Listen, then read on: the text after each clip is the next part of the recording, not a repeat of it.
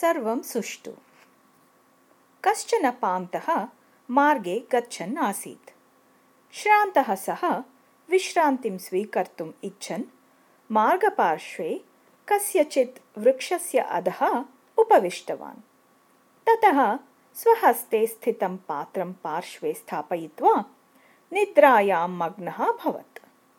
तदा आहारम् अन्विष्यन् तत्र एव आगतः कश्चन शुनकः पात्रस्थम् अन्नं सर्वं खादित्वा ततः अगच्छत्। पान्तः यदा जागरितः तदा तस्य महती बुभुक्षा आसीत्। सः खादितुम् इच्छन् पात्रं दृष्टवान्।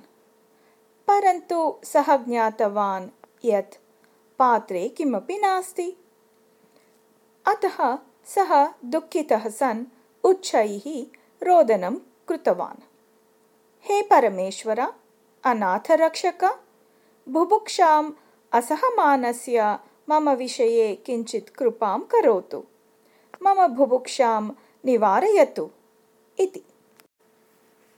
अत्रान्तरे कैलासपर्वते देवी पार्वती शिवस्य पार्श्वे उपविश्य सम्भाषणं कुर्वती आसीत्।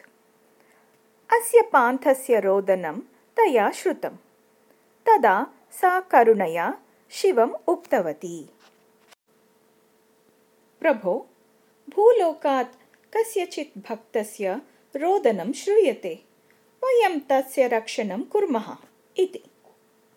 शिवः पार्वतीम् उक्तवान् हे देवी प्रवर्तमानं सर्वम् अहमपि पश्यन् अस्मि। पान्थस्य अन्नं शुनकेन नीतम् परन्तु तदन्नं पान्थः परिश्रमेण न प्राप्तवान्। सः निद्रामग्नायाः कस्याश्चित् वृद्धायाः शिरमूलात् तद् अपहृतवान् आसीत्। अनुचितं कार्यं कृतवान् सः। अतः स्वस्य पापकर्मणः फलं सः इदानीम् अनुभवन् अस्ति इति। तथापि पार्वत्याः मुखं करुणापूर्णम् एव आसीत् तदा शिवः एव उक्तवान् देवी चिन्ता मा करोतु इदानीं सर्वं सुष्ठु भवति इति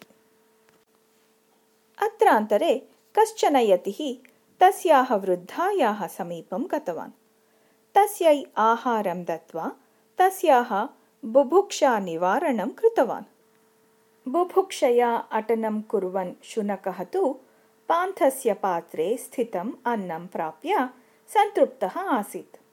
पान्थः अपि ततः उत्थाय शनैः अग्रे गतवान्। समीपे एव कश्चन शिवालयः आसीत्। तत्र प्रदोषकालस्य पूजा तदानीमेव समाप्ता अभवत्। पान्तः यदा तत्र गतवान् तदा शिवाय अर्पितः प्रसादः तेन प्राप्तः सन्तोषेण खादित्वा सः ततः अग्रे गतवान्